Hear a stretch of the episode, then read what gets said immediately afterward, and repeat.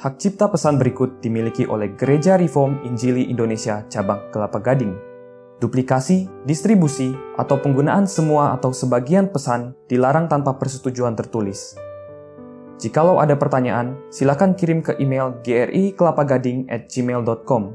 Untuk informasi yang lain, kunjungi website Gereja GRI Kelapa Gading di www.grii-kelapagading.org.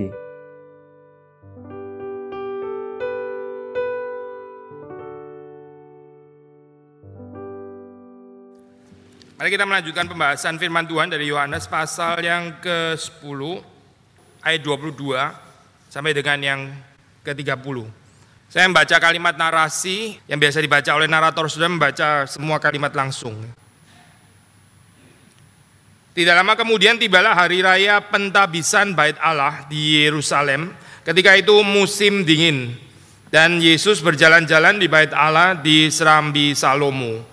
Maka orang-orang Yahudi mengelilingi dia dan berkata kepadanya, Berapa lama lagi engkau membiarkan kami hidup dalam kebimbangan? Jikalau engkau Mesias, katakanlah terus terang kepada kami. Yesus menjawab mereka, Aku telah mengatakannya kepada kamu, tetapi kamu tidak percaya. Pekerjaan-pekerjaan yang kulakukan dalam nama Bapakku, itulah yang memberikan kesaksian tentang aku. Tetapi kamu tidak percaya karena kamu tidak termasuk domba-dombaku. Domba-dombaku mendengarkan suaraku dan aku mengenal mereka dan mereka mengikut aku. Dan aku memberikan hidup yang kekal kepada mereka dan mereka pasti tidak akan binasa sampai selama-lamanya dan seorang pun tidak akan merebut mereka dari tanganku. Bapakku yang memberikan mereka kepadaku lebih besar daripada siapa pun dan seorang pun tidak dapat merebut mereka dari tangan Bapa. Aku dan Bapa adalah satu. Demikian pembacaan firman Tuhan. Mari kita masuk di dalam doa. Tuhan kami berdoa supaya Engkau memberkati perenungan kami pada pagi hari ini. Sekali lagi boleh menyegarkan kami baik hati dan pikiran dan mendorong kami untuk menaati firman Tuhan. Engkau sekali lagi mengubahkan hati kami. Engkau sendiri yang boleh menguduskan kami Bekerja dengan leluasa dengan kuasa firman Tuhan dan rohmu yang kudus di tengah-tengah kami.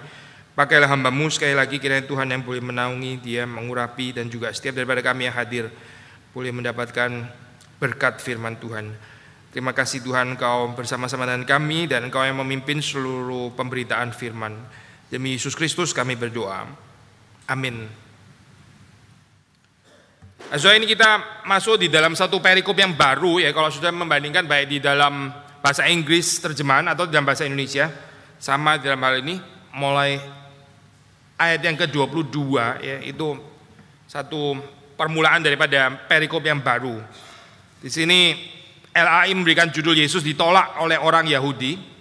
Kalau kita perbandingkan dengan terjemahan ESV di situ diberikan judul I and the Father are one. Maksudnya the Son and the Father are one. Anak dan Bapa itu satu. LAI lebih berkonsentrasi kepada kekerasan orang Yahudi yang menolak Yesus ya. Sementara ESV di sini tampaknya lebih mau menekankan tentang kesatuan Bapa dan Anak. Nah, so, waktu kita membicarakan tentang kesatuan Bapa dan anak ya biasanya di dalam sejarah pemikiran ini apa para teolog termasuk early church fathers dan sebagainya khususnya ayat ke-30 ayat yang terakhir itu I and the Father are one kalimat itu ya biasa ditafsir memang di dalam pengertian ini adalah substansi ilahi yang sama. Maksudnya satu kesatuan yang eksklusif anak bapa dan anak itu adalah kesatuan yang tidak ada pada yang lain ya. Jadi sebagaimana bapa itu memiliki sifat atau substansi ilahi, sedemikian juga anak itu memiliki substansi ilahi dan substansi ilahi yang dimiliki baik oleh bapa maupun anak itu adalah substansi yang sama karena itu dalam istilah bahasa teologis pakai istilah konsubstansial yaitu satu substansi yang sama. Tapi kalau sudah membaca di dalam bagian ini ya sebetulnya arahnya itu bukan ke sana. Kita nggak menyangkali ini ya, saya. Kita nggak menyangkali bahwa anak dan bapak itu substansinya satu. Itu ajaran ortodoks, itu ajaran yang dipercaya di dalam teologi reform juga dan juga di dalam aliran-aliran teologi yang penting. Tapi kalau kita melihat secara biblical, biblical theological, sebetulnya arah daripada pembicaraan I and the Father are one itu bukan ke arah sana sebetulnya gitu. Sehingga waktu kita melakukan eksegesi dengan lebih rapi, kita bisa memperoleh kekayaan penggalian yang kita dapati daripada perikop-perikop ini. Tapi sebelum kita membahas bagian itu, saya kita membahas dari ayat-ayat yang awal, yaitu di situ dikatakan bahwa tentang hari atau settingnya di situ bicara tentang hari raya pentabisan bait Allah ya. Itu Feast of Dedication. Nah, Feast of Dedication ini adalah satu peringatan yang dilakukan di Israel yaitu memperingati pembersihan ya, itu purging of the temple yang dilakukan oleh Yudas Maccabeus di mana tempel itu ya atau bait suci itu tadinya itu diprofin itu di apa dinajiskan gitu ya dicemarkan.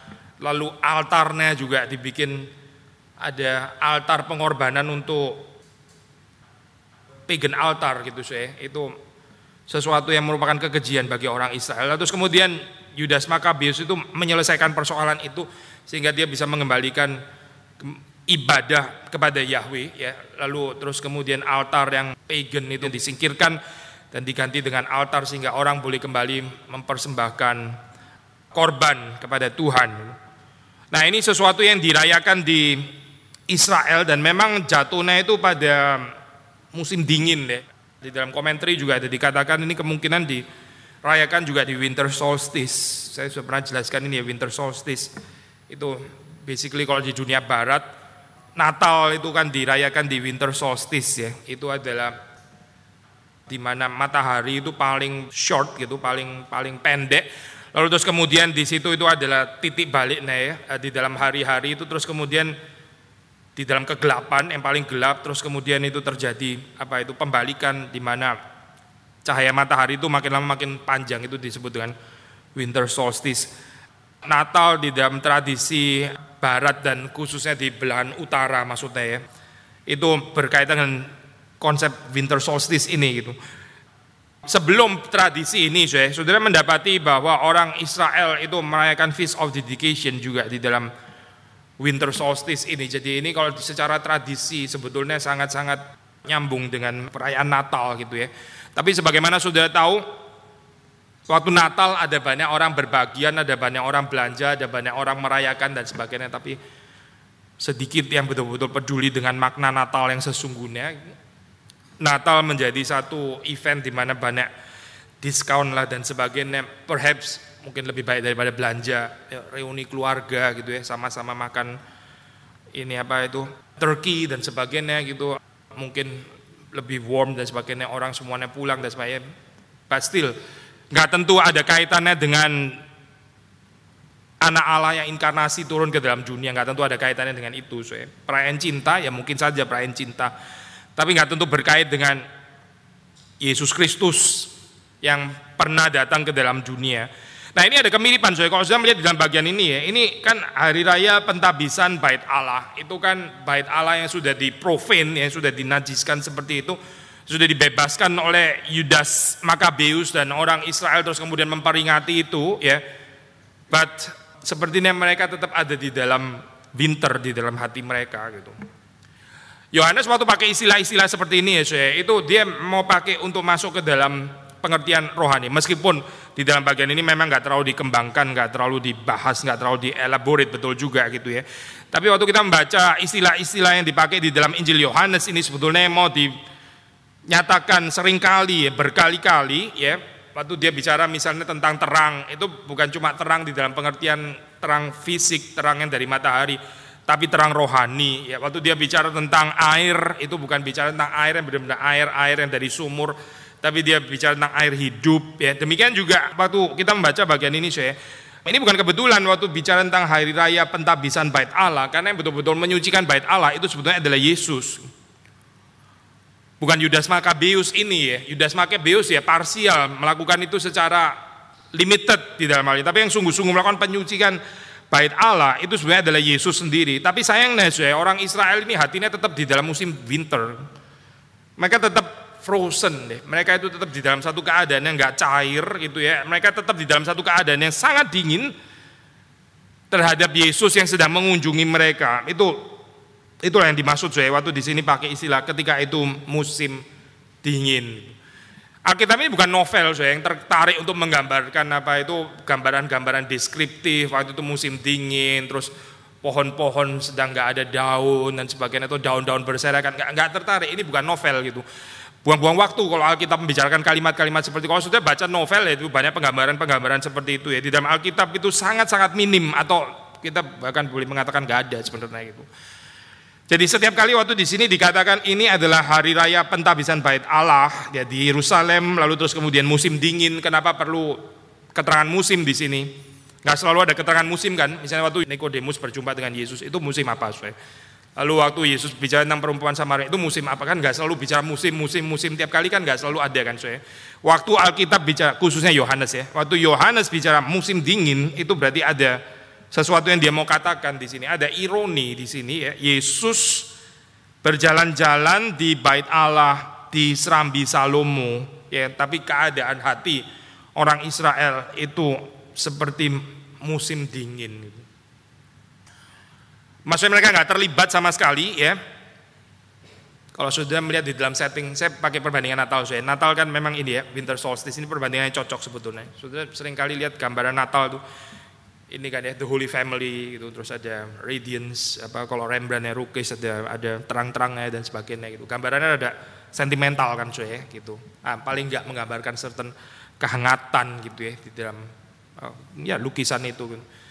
lalu mungkin juga foto-foto orang yang sedang merayakan Natal di rumah tadi juga somehow menggambarkan kehangatan ya di luar itu winter dan begitu gelap tapi di rumah terus ada apa itu? Kalau di dunia barat ada apa kamin? Ada apa ini namanya saya kamin ya ada. Ya, untuk menghangatkan itu ya. Terus kemudian di ruangan itu ada lilin. Gambarannya seperti kayak hangat gitu ya gambaran di dalam ini. Peristiwa Natal gitu. Yesus ada di sana ya. Seharusnya juga ini memberikan kehangatan yang sesungguhnya. Di tengah-tengah musim dingin. Tapi yang terjadi adalah orang-orang yang hatinya dingin dan bukan cuma hatinya dingin. Kalau sudah baca dalam ayat ke-24 di situ orang-orang Yahudi itu mengelilingi dia ya, mengelilingi dia. Istilah mengelilingi di sini ya, mengelilingi apa saya? Mengelilingi untuk menyerang maksudnya, mengelilingi bukan dalam pengertian kayak meminta tanda tangan, foto, selfie dan sebagainya, tapi ini mengelilingi mau menyerang sebetulnya. Bukan mengelilingi di dalam pengertian admirasi, bukan. Bukan mengelilingi di dalam pengertian kekaguman atau sudah lama nggak ketemu Yesus terus kemudian kepingin ketemu dengan dia lihat dari itu bukan itu bahkan tapi ini adalah satu mengelilingi untuk accuse ya Jikalau engkau Mesias, katakanlah terus terang kepada kami. Kalimat ini, ya, kalau dalam bahasa Indonesia kan sama sekali nggak jelas ya, arahnya ke mana. Kita tahu arahnya ke mana setelah kita membaca ayat-ayat di bawahnya sih. Jikalau engkau Mesias, katakanlah terus terang kepada kami. Maksudnya kalimat ini apa ya? Yesus diminta untuk mengatakan, sudah kamu bilang aja, I am the Messiah, selesai gitu ya. Itu seperti jelas sekali. Tapi mereka nggak mendapatkan itu menurut mereka gitu ya. Kalimat ini saya bukan satu kalimat yang dinyatakan atau diutarakan di dalam satu sikap yang mau belajar kerendahan hati dan sebagainya, tapi justru menyatakan prejudis yang sangat dalam sebetulnya di dalam kehidupan orang-orang Israel ini yang sudah nggak bisa percaya lagi kepada Yesus. Lalu mereka memaksa Yesus untuk mengatakan atau menyebut dirinya sebagai Mesias. Mengapa saya? Supaya mereka bisa ada alasan untuk menyelesaikan orang ini. Gitu. Mesias itu adalah yang dipercaya kalau Mesias itu hadir dan Yesus memang betul Mesias tapi dalam pikiran mereka kalau Mesias itu hadir ya itu akan membebaskan orang Israel dari penjajahan orang Romawi dan ini berarti adalah raja Israel. Nah kalau orang ini mengaku Mesias ya dia berarti raja. Kalau ini raja ya tinggal laporin aja, laporin selesai orang ini. Karena dia mengaku diri sebagai Mesias, dia berarti ada pemberontak gitu. Jadi kita nggak usah repot-repot lagi dengan orang ini karena dia lihai juga sih soalnya ya, menyesatkan banyak rakyat gitu. Jadi bagaimana kita pakai cara politik sedikit lah, suruh dia sendiri ngaku bahwa dia adalah Mesias keluar dari mulutnya sendiri, terus kita bikin kesimpulan Mesias berarti ada raja kan, raja Israel berarti ini pemberontak, suruh orang Romawi yang menyelesaikan persoalan ini gitu. Jadi mereka mengatakan kalimat ini cuy, bukan karena mereka mau belajar dengan rendah hati, jikalau engkau Mesias katakanlah terus terang kepada kami.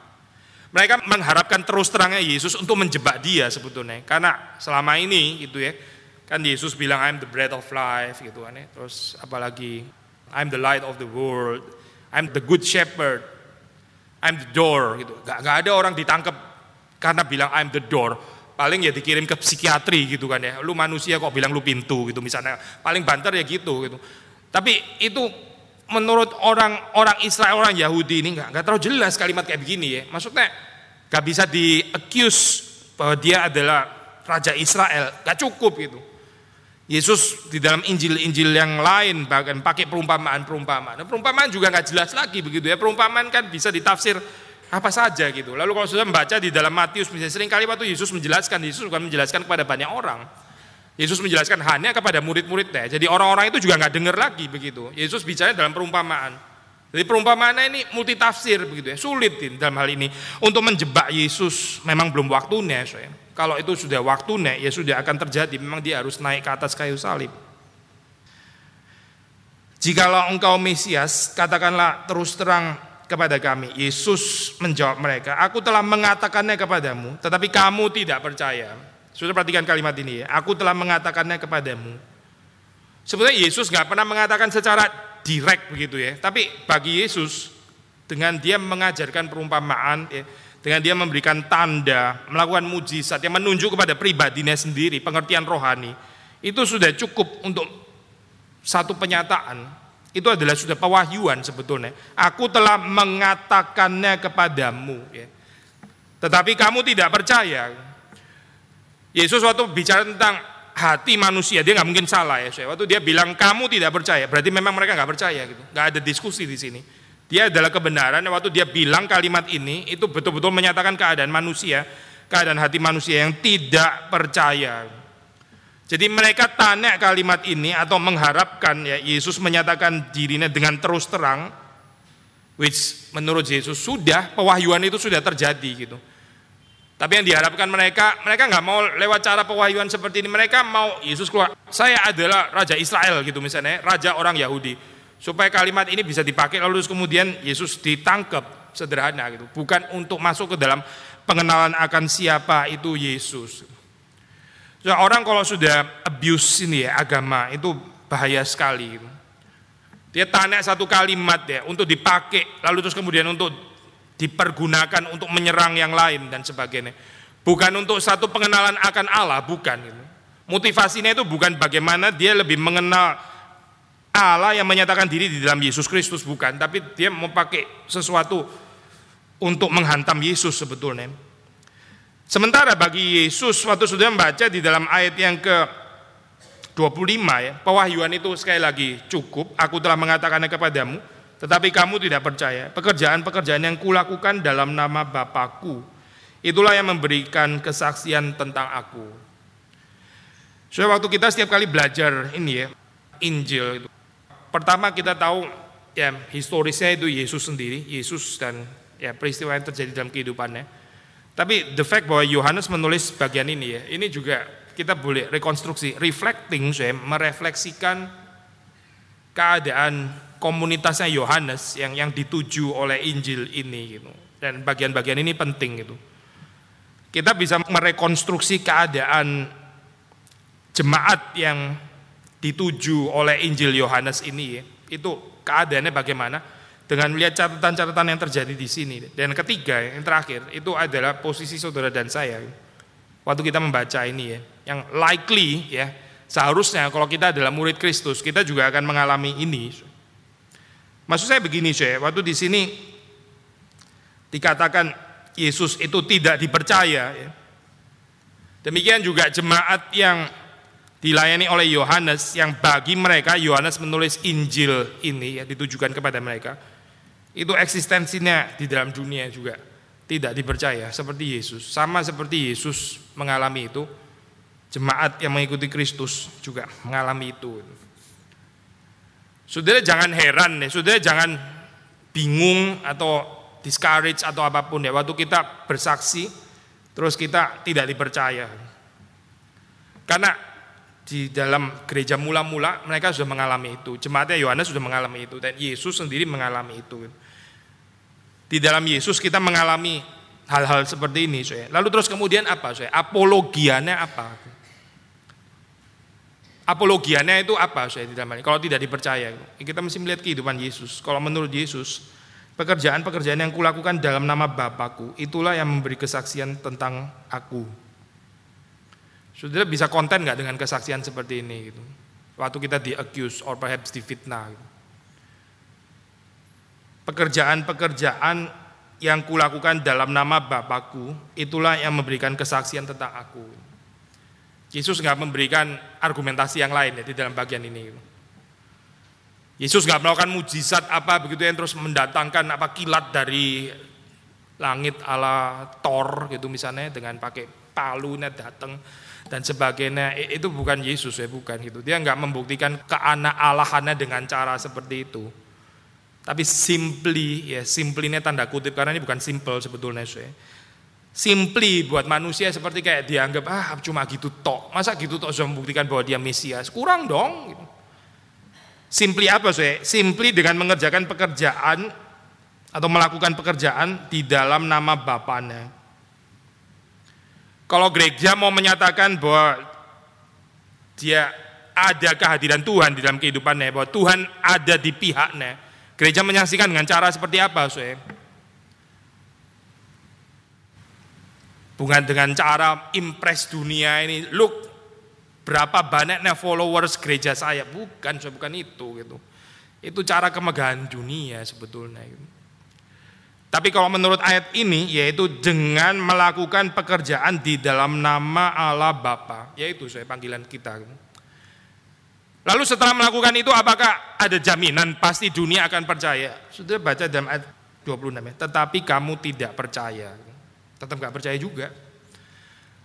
Setelah Yesus melakukan pekerjaan di dalam nama Bapaknya, ya, dan itu yang seharusnya memberi kesaksian tentang Yesus, tetapi mereka tetap nggak percaya. Mereka nggak percaya kenapa, soy? Karena pekerjaannya kurang powerful gitu.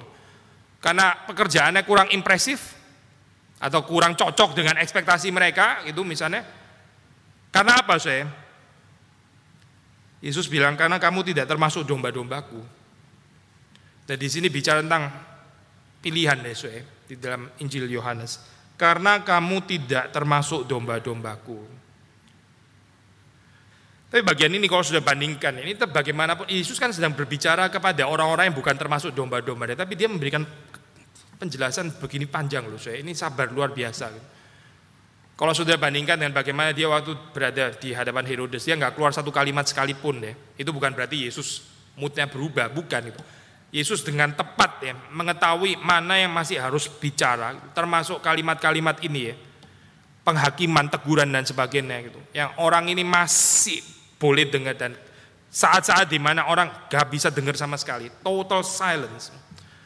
Jadi ada nuansa di sini kalau sudah membaca di dalam Alkitab. Yesus menjawab dengan sabar dan dia mengatakan dengan terus terang, kamu tidak termasuk domba-dombaku. Karena itu kamu tidak percaya. Dan karena itu juga kamu tidak bisa melihat pekerjaan-pekerjaan yang kulakukan di dalam nama Bapakku. Gereja itu dipanggil saya untuk menyaksikan kesaksian yang sederhana ini, yaitu waktu kita terlibat di dalam pekerjaan Allah. Sederhana saya. Gereja yang terlibat di dalam pekerjaan Allah itu adalah gereja yang seperti Kristus dan kesaksian itu cukup saya kalau menurut perikop ini itu. Kita nggak perlu kesaksian yang lain, kita nggak perlu apologetika apologetika yang lain yang rumit-rumit pakai ini ya, apalagi sampai mempermalukan orang yang non-reform atau non-Kristen karena mereka kalah logik dan sebagainya, karena mereka lebih nggak tajam pikirannya, karena mereka lebih nggak brilian dan sebagainya. Itu semua cara dunia, saya bukan cara Alkitab. Cara Alkitab adalah melakukan pekerjaan-pekerjaan yang dilakukan di dalam nama Allah Bapa. Kalau kita terlibat di dalam pekerjaan Allah, ya itu sudah kesaksian bagi gereja dan itu cukup. Kalau saudara dan saya kita terus mengerjakan pekerjaan Allah, itu sudah merupakan kesaksian. Yesus yang adalah anak Allah, dia mencukupkan diri dengan kesaksian yang seperti ini. Maka saudara dan saya kita dipanggil ya untuk mengikuti Kristus di tengah-tengah ketidakpercayaan manusia. Kalau orang nggak percaya, bagaimana? Ya kita secara daging kepingin membuktikan diri begitu ya. Bagi kalau saudara sudah hidup benar, hidup tulus ya. Orang salah mengerti dan sebagainya terus menuduh saudara sebagai orang fasik dan sebagainya. Kita secara daging yang lemah kepingin balas juga loh, kepingin menjelaskan dan sebagainya. Tapi makin menjelaskan mungkin makin nggak ada nggak ada poinnya, nggak ada nggak ada makin buang-buang waktu akhirnya. Distracted kita nggak bisa mengerjakan pekerjaan Allah. Karena kita jadi bukan memberitakan Kristus ya, tapi malah menjelaskan bahwa saya bukan orang fasik lah, saya akhirnya habis waktu saya di sana gitu. Ini bisa menjadi satu tipuan daripada setan deh, supaya kita akhirnya distracted daripada mengerjakan pekerjaan Allah, kita sibuk membela diri kita sendiri. Or perhaps agak sedikit mulia ya, mungkin bukan membela diri sendiri, membela gereja sendiri gitu ya. Ini bukan cuma masalah saya, ini gereja loh gitu kan ya lalu kita nama gereja kita dipertaruhkan, jadi kita mesti membela, melakukan pembelaan dan sebagainya gitu. Tapi kalau kita melihat di dalam bagian ini, ya, yang dilakukan Yesus, kesaksiannya, the most powerful itu adalah waktu sang anak ini melakukan pekerjaan bapaknya dan melakukan pekerjaan bapaknya saja. Gitu. Kalau saudara bisa terlibat di sini, yaitu sudah kesaksian dan kesaksian itu dilihat oleh Bapa, ya, itu kesaksiannya disaksikan oleh Allah Tritunggal, ya, dan Allah Tritunggal yang akan mengonfirmasikan ya, bahwa kita adalah gereja yang berkenan kepada Tuhan. Kesaksian-kesaksian yang lain, saya nggak ada poinnya. Itu distracting orang daripada melakukan pekerjaan Allah. Nah sekarang tentu saja bisa tanya, ya pekerjaan Allah itu apa gitu. Pekerjaan Allah apa sih yang dilakukan oleh Yesus? Yesus waktu di dalam dunia ya, dia membuka pengenalan akan Allah yang sejati. Itu pekerjaan Allah. Pekerjaan Allah itu yaitu bagaimana Yesus memberikan pewahyuan, penyataan supaya orang yang tidak mengenal Allah yang sejati bisa mengenal Allah yang sejati, yaitu pekerjaan Allah. Yesus membuka kemungkinan ini. Orang yang di bait Allah di Yerusalem, mereka seharusnya beribadah, tapi mereka nggak bisa beribadah dengan benar. Yesus membuka kemungkinan ini, beribadah dengan benar. Orang yang hidup di dalam musim dingin, hatinya dingin, nggak ada cinta kasih, penuh dengan ketidakpercayaan, kecurigaan dan sebagainya Yesus memberikan kehangatan, kehangatan di dalam kebenaran, di dalam cinta kasih. Ya ini pekerjaan Allah, saya. Saudara jangan salah tangkap bahwa senternya di situ adalah Yesus melakukan mujizat ya, saya. Salah begitu. Memang bukan tanpa mujizat di dalam Yohanes betul gitu, tapi mujizat itu kalau di dalam bahasa asli pakai istilah tanda, saya sudah pernah jelaskan bagian ini ya untuk kesekian kalinya ya. Tanda, mujizat itu tanda. Gulnya itu bukan tanda, soalnya, tapi yang ditunjuk oleh tanda. Semua tanda itu kita tahu gulnya bukan tanda, tapi yang ditunjuk oleh tanda. Yang ditunjuk oleh tanda itu apa? Pengenalan manusia akan pribadi Yesus. Pribadi Yesus dia itu siapa sebetulnya? Ini yang ditunjuk oleh tanda. Waktu Yesus melakukan mujizat mengenyangkan 5.000 orang dan lebih itu, sebetulnya bukan mujizatnya yang mau dinyatakan. Pekerjaan Allahnya itu apa? Soalnya senternya, gulnya itu adalah supaya mereka boleh mengenal bahwa Yesus adalah roti hidup Bukan bahwa Yesus bisa melakukan ini loh gitu. Yesus bila melakukan mujizat loh, ikut Yesus maka Yesus bisa melakukan ini. Loh. Itu sudah diselesaikan sudah di dalam Injil Yohanes. Ada orang yang mau mengikut Yesus karena mereka mau kenyang, karena mereka mau dapat mujizat itu terus menerus. Yesus kecewa saya dengan mereka. Yesus gak mempercayakan dirinya kepada mereka. Karena goalnya sebetulnya ada supaya mereka melalui ini, melalui mujizat mengenyangkan ribuan orang dengan roti itu, mereka boleh datang kepada pengenalan bahwa Yesuslah roti hidup. Tapi mereka nggak tertarik sesuai dengan itu. Mereka tertarik dengan roti jasmani yang terus kemudian dibuang di jamban di toilet itu. Mereka lebih tertarik dengan itu. Jadi di sini saya kalau kita membaca ya kesaksian yang the most powerful yang Yesus bisa berikan dan yang gereja harus belajar, saudara dan harus saudara dan saya harus belajar, yaitu waktu kita terlibat di dalam pekerjaan-pekerjaan Bapa dan hanya melakukan pekerjaan Bapa. Nanti saya kembali lagi kepada poin ini saya, tapi sebelumnya saya teruskan dulu di dalam ayat yang ke-26 waktu dikatakan kamu tidak percaya karena kamu tidak termasuk domba-dombaku. Yang tidak termasuk domba itu nggak tertarik, nggak percaya, ya, nggak gubris, ya. Kita mau jelaskan bagaimanapun, ya memang dia bukan domba. Tapi sekali lagi, sudah melihat di sini Yesus masih memberikan penjelasan. Ya ini ada dua kemungkinan deh. Kenapa Yesus tetap memberikan penjelasan kepada yang bukan domba-domba? Satu ya, masih ada kemungkinan ini untuk bertobat, masih ada undangan. Kedua ya, di dalam pengertian ya, ini adalah kalimat penghakiman untuk mereka. Gitu. Kalau bukan kalimat penghakiman ya berarti mungkin masih ada orang pilihan di sana yang akan kembali. Atau kalau di dalam konteks penulisan Yohanes ya ini penting karena yang membaca kan pasti ada domba-domba. Termasuk saudara dan saya waktu membaca bagian ini kita kan domba-domba. Jadi kita perlu tahu juga pernyataan ini bagaimana Yesus deal dengan yang bukan domba-domba. Gitu. Ini dinyatakan juga kepada domba-domba. Tapi waktu Yesus secara historis pada saat itu berbicara dengan orang yang mengelilingi dia, mungkin juga nggak ada domba sama sekali di sana. Mungkin semuanya serigala, mungkin saja. Tapi toh bagian ini di dalam pimpinan Roh Kudus juga ditulis oleh Yohanes. Tapi yang lebih positif ya ada ayat ke-27 waktu kita membaca di situ ya domba-dombaku mendengarkan suaraku dan aku mengenal mereka dan mereka mengikut aku. Ini satu pengulangan sebetulnya dengan cerita The Good Shepherd ya. Sekali lagi ya, ayat 26 itu sebetulnya kalau kita baca secara sederhana ini kalimat penghakiman. Tetapi kamu tidak percaya karena kamu tidak termasuk domba-dombaku. Kalimat penghakiman kan untuk mereka pada saat itu ya. Tapi ada ayat kalimat 27 domba-dombaku mendengarkan suaraku dan aku mengenal mereka dan mereka mengikut aku. Seandainya, seandainya ya, variasinya adalah mereka itu semuanya serigala. Lalu Yesus mengatakan kalimat ini gitu. Ini kalimat kan sebetulnya bukan untuk mereka ya gitu. Kalimat ayat 26 untuk mereka betul gitu. Ayat 27. Kenapa Yesus mesti mengatakan kepada mereka?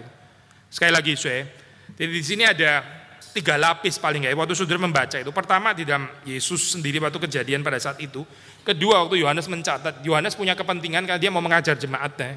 Lalu ketiga saudara dan saya waktu membaca catatan ini. Ini ada tiga lapis gitu. Kita mesti membedakan. Sudah pasti sudah ayat ke-27 itu menjadi penghiburan yang besar untuk jemaat yang dituju oleh Yohanes waktu dia menulis Injil ini, sudah pasti. Domba-dombaku mendengarkan suaraku. Aku mengenal mereka dan mereka mengikut aku.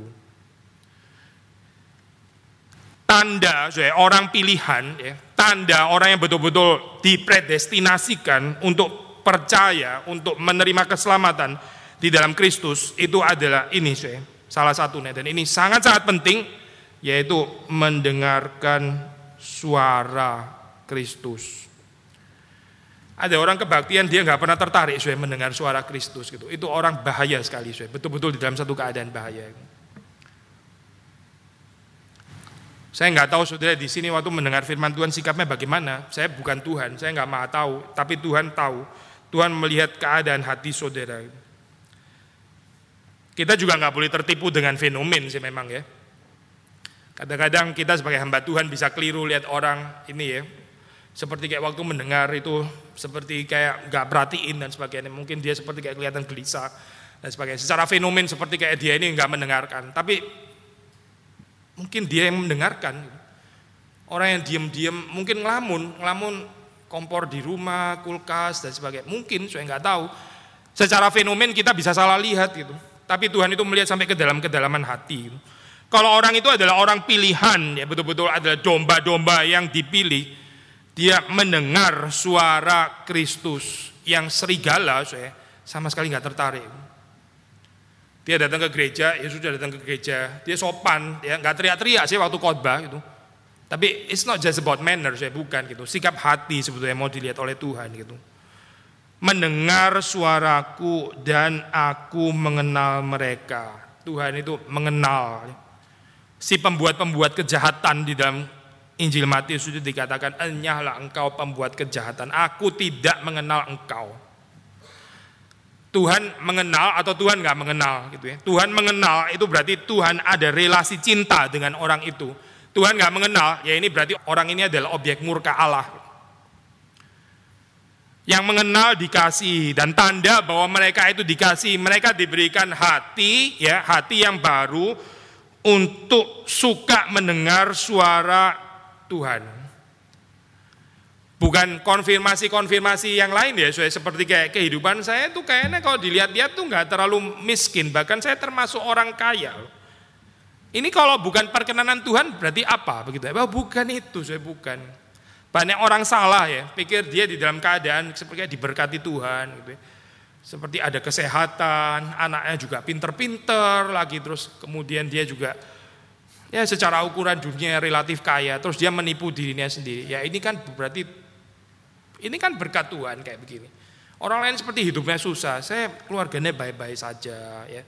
Rumah saya juga bagus dan sebagainya. Anak saya pinter-pinter dan saya ada kesehatan. Orang lain ada kena kanker, saya sehat. Loh. Ini apa kalau bukan berarti Tuhan itu berkenan kepada saya? Kalau Tuhan berkenan kepada saya, saya orang pilihan dong pasti. Buktinya apa? Buktinya berkat Tuhan mengelilingi saya. Gitu. Ini loh saya gambaran kayak begini ya. Kalau sudah baca di dalam Yohanes pasal yang ke-10, bukan itu saya, bukan itu. Bukan itu saya, bukan. Orang pilihan itu bukan orang yang dikelilingi dengan kesehatan, kekayaan, anak pinter-pinter. Oh bukan saya, bukan. Gitu.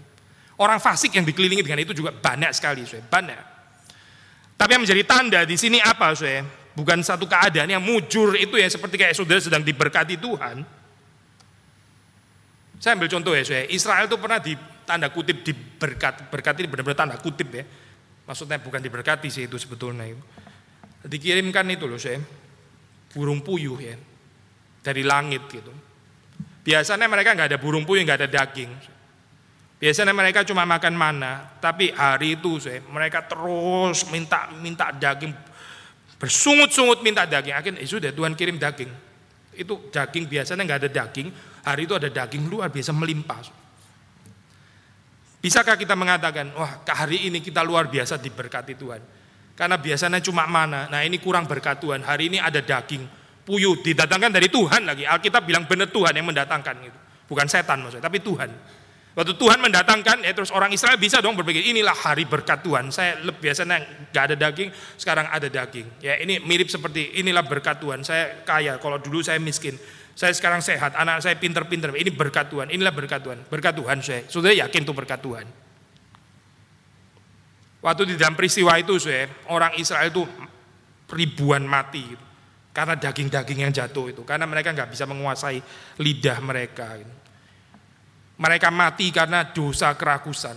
Jadi lebih baik mana saya di dalam keadaan seperti ini? Tuhan yang mengenal hati, mereka tetap makan mana dan gak mati, ya, karena mereka dilindungi daripada kemungkinan untuk melampiaskan dosa kerakusan mereka. Dengan Tuhan mengumbar mereka, sudah kasih daging, kasih daging, minta daging, kasih aja daging, kasih daging. Setelah itu mereka mengumbar nafsu kerakusan mereka, setelah itu ribuan orang mati. Karena Tuhan murka. Lebih baik yang mana saya? Yang mana yang lebih merupakan berkat? ada daging atau nggak ada daging gitu. Tuhan tuh mah bijaksana sudah di dalam kehidupan kita ya. Keadaan kesehatan kita ya, keadaan ekonomi kita ya, itu semuanya di dalam bijaksana Tuhan. Kita jangan bersungut-sungut saya dalam. Ini bukan berarti saudara nggak boleh maju ya. Kita maju yang maju nggak salah. Tapi kita masih bisa menerima keadaan kita pada hari ini itu di dalam bijaksana Tuhan. Kalau saudara diberikan resources lebih, kemungkinan fasilitas lebih, mungkin kita menjadi orang yang liar dan Tuhan sudah melihat itu. Makanya Tuhan membatasi ya sudah begini ini. Gitu. Itu cara Tuhan mengasihi kita dan memelihara kehidupan kita. Tapi saya balik lagi ke sini ya, saya. Apa sih itu tanda daripada orang pilihan? Sekali lagi ya, bukan berkat-berkat yang ada di sekeliling itu, berkat-berkat jasmani itu, tapi terutama adalah bahwa mereka bisa mendengar, merespons suara Tuhan dan Tuhan mengenal mereka dan mereka mengikut Kristus. Gereja yang ada tanda ini ya, tanda betul-betul berkat Tuhan yang terpenting adalah gereja yang mengikut Kristus. Bukan gereja yang gedungnya besar lah atau sudah rapi bangunannya dan sebagainya itu bukan tanda saya bukan. Bukan gereja yang setiap kali bisa ekspansi terus menerus. Itu juga bukan tanda. Bukan tanda, saya bukan. Gereja tanda betul-betul kalau Tuhan itu memberkati gereja itu, yaitu adalah gereja itu mengikut Kristus. Kabar dulu gerejanya ada di sebelah mana, ya tempat yang kumuh sekalipun atau di tempat lokasi yang bagus sekali doesn't really matter. Tapi gereja itu adalah gereja yang mengikut Kristus. Yesus mengatakan, aku memberikan hidup yang kekal kepada mereka dan mereka pasti tidak akan binasa sampai selama-lamanya. Dan seorang pun tidak akan merebut mereka dari tanganku. Menurut Yohanes itu definisi hidup kekal, ada definisinya yaitu apa saya? Mengenal Allah. Mengenal dia yang mengutus Yesus, mengenal anak yang diutus oleh Bapa, itu definisi hidup kekal di dalam Injil Yohanes. Hidup kekal itu isinya konten, isinya adalah relasi, bukan durasi. Saya bukan mengatakan secara durasi doesn't matter ya, bukan. Durasi itu included, tapi pengertian hidup kekal itu terutama adalah isinya itu, pengenalan relasi dengan Allah. Ini lebih penting daripada konsep hidup yang gak ada habisnya. Sekali lagi ya, saya. Kalau sudah dengar istilah hidup kekal, itu bayangin kita pertama mungkin adalah hidup yang selama-lamanya gitu. Gak salah kalimat ini, saya. Saudara bisa mengatakan hidup kekal itu hidup selama-lamanya.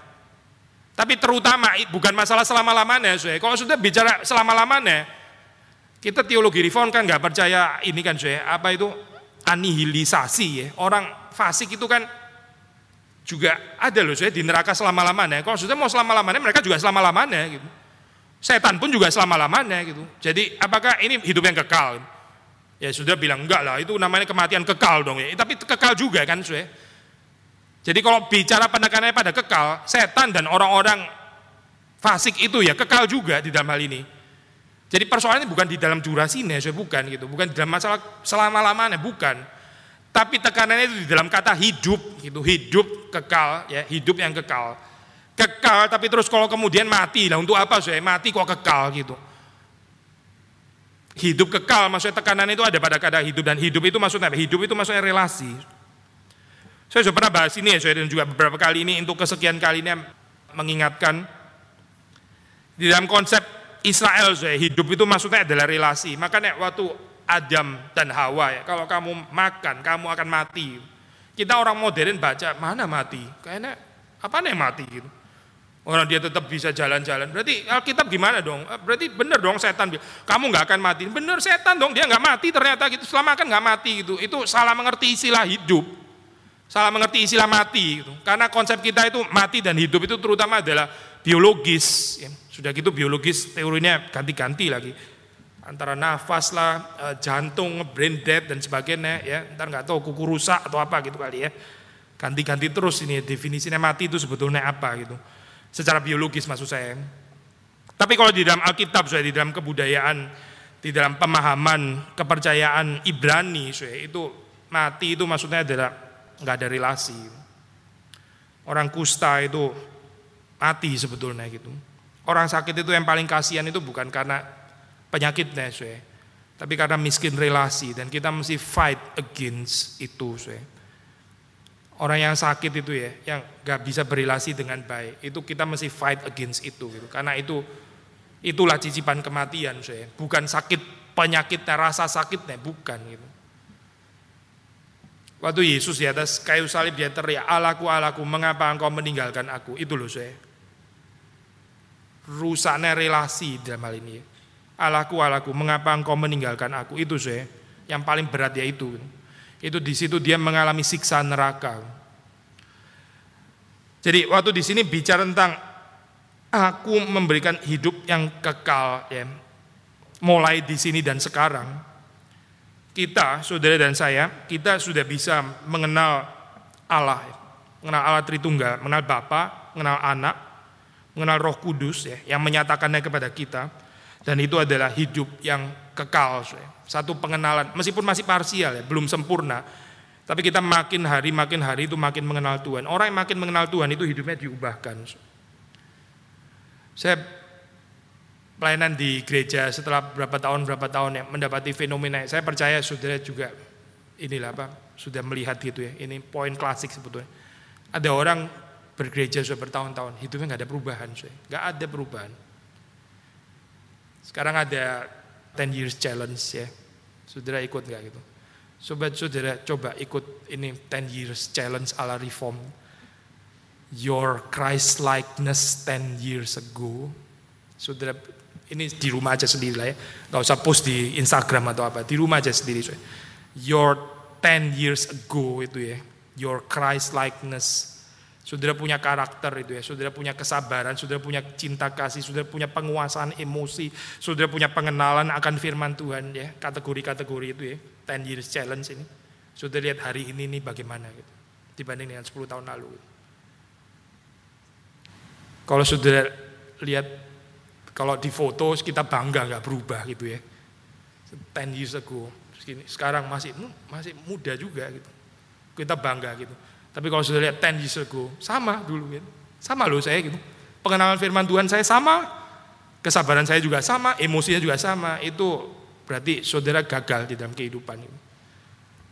10 tahun lalu dan sekarang kok sama gitu. Kok nggak ada pertumbuhan, kok nggak makin dewasa, berarti ada yang salah di sini gitu. Tapi dia datang terus juga ke gereja, datang ini bukan like empat tahun absen dari gereja. Oh enggak, dia minggu saya datang. Tapi apa ya saya? Kenapa dia nggak berubah saya? Karena dia nggak bertumbuh di dalam pengenalan akan Allah. Nggak ada encounter relasi dengan Allah itu nggak ada sebenarnya gitu. Kalau nggak ada, bagaimana bisa berubah? Ya nggak bisa berubah lah saya. Psikologi sekuler itu nggak akan merubah manusia. Itu ajaran-ajaran moralisme dan sebagainya. Cuma mengingatkan saja. Terus kita tetap di situ terus gitu. Karena pada dasarnya nggak ada perubahan hati, perubahan karakter itu nggak akan terjadi karena memang nggak pernah disentuh bagian itu. Karena orang itu juga nggak tertarik untuk mendengarkan suara firman, nggak tertarik mendengarkan suara Tuhan. Bagaimana bisa ada perubahan, soe? Akhirnya hidup terus kayak begitu ya, sama terus gitu. Ini bahaya sekali keadaan kayak begini, soe. Gereja yang seperti ini juga bahaya sekali, nggak bertumbuh berarti. Dan manusia bisa mencari dalil ya, soe, untuk menutupi ketidakbertumbuhan ini gitu. Ini bahayanya di sini justru kan ya. Saya bisa list panjang sekali, so. Tapi salah satu saja ya gitu ya. Saudara bisa menutupinya dengan kesibukan. Jadi kayak terkamuflase gitu. Saya dibilang nggak bertumbuh, nanti dulu saya sibuk loh, saya rajin loh, saya ikut ini, ikut ini, ikut ini, ikut itu. Tapi tetap nggak bertumbuh sebetulnya gitu. Tapi dia menilai pertumbuhan dari mana? Dari ikut kegiatan-kegiatan. Ini saya bertumbuh loh, ikut ini, ikut ini. Saya bukan mengatakan ikut kegiatan itu sama sekali meaningless, bukan itu saya poin saya, bukan gitu. Poin saya adalah kalau kita nggak bertumbuh lalu kita menjadikan ikut kegiatan-kegiatan-kegiatan, tetap nggak bertumbuh juga mungkin sebetulnya. Gitu. Saya bukan berarti orang yang bertumbuh nggak perlu ikut kegiatan, bukan itu saya poinnya, bukan di sana. Gitu. Tapi kita bisa pakai segala macam cara untuk menutupi bahwa kita itu sebenarnya nggak bertumbuh. Atau saudara kasih uang persembahan misalnya ya, bisa juga. Saudara nggak bertumbuh tapi saudara persembahan terus gitu. Orang bilang, lu nggak bertumbuh, nanti dulu. Nanti dulu dong. Lu lagi bangun gereja, siapa yang persembahan? Itu uang persembahan dipakai untuk menutupi ketidakbertumbuhan. Tapi terus uang persembahan, ya masuk dan sebagainya. Sama saya, saya juga bukan mau saudara salah mengerti, oh kalau begitu persembahan nggak penting ya. Bukan itu poinnya, bukan.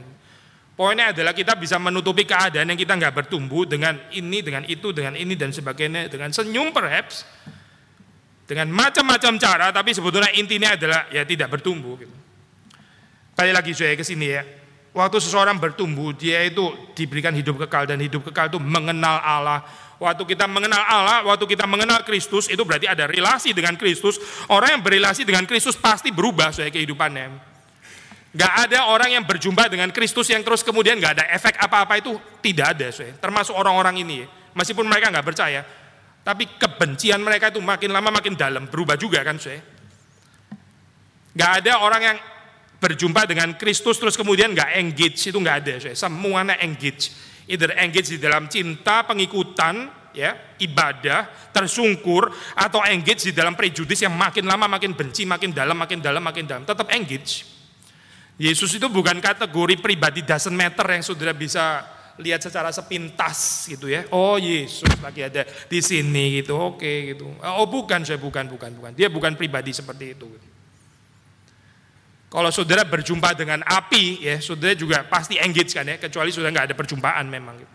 Api itu bukan satu barang yang saudara bisa oh gini toh rasanya gitu. Oh gitu. Oh enggak enggak saudara itu bukan perjumpaan dengan api gitu perjumpaan dengan Tuhan apalagi saya nggak mungkin tidak menghanguskan. Itu nggak mungkin. Either kita terbakar di dalam pekerjaan positif atau kita terbakar hangus maksudnya binasa. Nggak ada perjumpaan yang doesn't matter. Oh gini toh. Ketemu sama Tuhan tuh oh gini. Oke lah tambah satu experience. Bagus juga. Ini apa one of the 100 ribu things that you have to experience before you die gitu ya. Salah satunya adalah berjumpa dengan Tuhan gitu. Itu di antara seribu satu hal yang lain. Oh bukan, saya bukan, bukan. Ini bukan menambah pengalaman, menambah kekayaan pengalaman dan sebagainya bukan. Ini antara hidup atau mati. Aku memberikan hidup yang kekal kepada mereka dan mereka pasti tidak akan binasa sampai selama-lamanya. Seorang pun tidak akan merebut mereka dari tanganku. Terakhir saya, Bapakku yang memberikan mereka kepadaku lebih besar daripada siapa pun dan seorang pun tidak dapat merebut mereka dari tangan Bapa. Aku dan Bapa adalah satu. Kalau sudah melihat di dalam bagian ini saya tadi saya introduksinya mengatakan bahwa Church Fathers itu sering menafsir ini konsubstansialitas. Tapi sebenarnya kalau sudah lihat di dalam konteks Yohanes ya, aku dan Bapa adalah satu. Ya, itu pertama saya di sini berbicara tentang kesatuan action ya. Itu anak itu selalu mengerjakan pekerjaan Bapa. Ya. Di dalam hal ini Bapa dan anak itu satu. Ada kesatuan karya di sini. Dan ini saya ini bukan eksklusif, ini dibuka untuk gereja. Waktu gereja melakukan dan melakukan hanya pekerjaan Bapa, itu gereja dan Allah satu. Sekali lagi ya, waktu saudara dan saya sebagai orang berdosa, ya, kita menerima keselamatan pengampunan yang di dalam Tuhan Yesus Kristus, lalu kita mengerjakan pekerjaan Allah, kita dan Allah, kita dan Bapa itu satu, seperti anak dan Bapa itu satu. Ini bukan bicara konsubstansialitas yang eksklusif yang nggak bisa ditembus oleh siapa pun, nggak bicara itu. Ini bicara tentang kesatuan karya di sini. Kenapa kita ini nggak bisa menikmati kesatuan dengan Allah? Karena kita nggak tertarik untuk mengerjakan pekerjaan Allah. Karena kita lebih tertarik mengerjakan pekerjaan kita sendiri. Makanya nggak betul-betul bisa menikmati persekutuan dengan Allah. Tapi waktu kita terlibat, ya waktu kita partik, waktu kita berpartisipasi di dalam pekerjaan Allah, kita bisa menikmati itu apa artinya Waktu Yesus bilang ya, Bapa di dalam aku, aku di dalam Bapa. Ya, kita juga bisa bilang di dalam Kristus. Bapa dan anak di dalam kita dan kita di dalam Bapa dan anak. Ini satu kesatuan Tritunggal yang dibuka menjadi berkat untuk manusia. Aku dan Bapa adalah satu dan itu kita memang belum bahas sampai bagian ini saya tapi di dalam Yohanes 17 saudara akan mendapat doa dari Kristus itu supaya mereka juga di dalam kita. Aku dan Bapa adalah satu. Yang kedua, saya di dalam konteks yang lebih dekat ayat 29 Bapa dan anak itu satu ya di dalam kekuatan memelihara orang-orang pilihannya yang di sini dikatakan tidak akan direbut oleh siapa pun.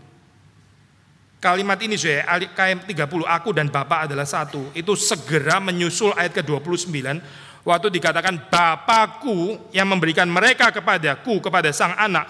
Dia yaitu Bapa itu lebih besar daripada siapa pun dan seorang pun tidak dapat merebut mereka dari tangan Bapa.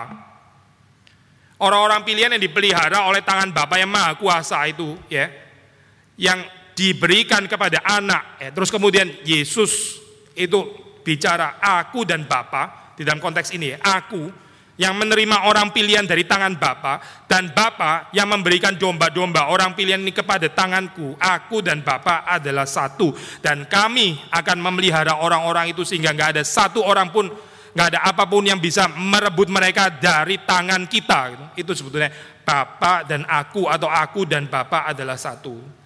Ini bukan satu kesatuan abstrak, bukan satu bicara tentang kesatuan ontologis, bukan bicara tentang kesatuan filosofis, whatever istilahnya lah saya.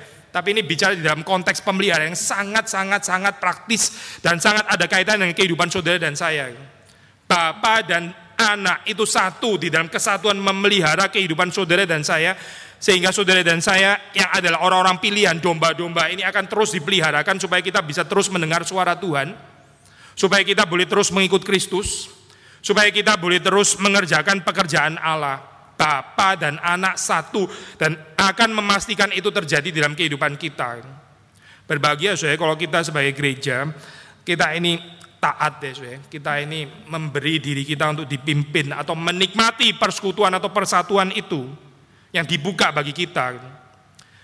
Nah inilah saya pergumulan daripada hamba Tuhan ya. Saya percaya waktu ini semakin terjadi di dalam kehidupan jemaat, waktu ini semakin terjadi di dalam kehidupan gereja itu kebahagiaan hamba Tuhan saya. Saya harap bukan cuma kebahagiaan hamba Tuhan, kebahagiaan saudara juga.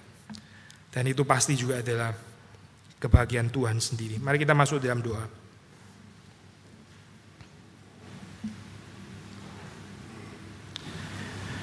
Tuhan kau mengampuni kami daripada kehidupan yang lebih suka bekerja sendiri,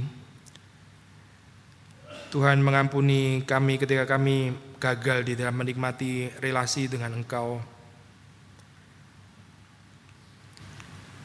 Tuhan mengampuni kami di dalam segala dosa dan kesalahan. Ketika kami membaca firman Tuhan, kami mendapati diri kami masih jauh daripada apa yang Tuhan tawarkan, apa yang Tuhan mau berikan kepada kami.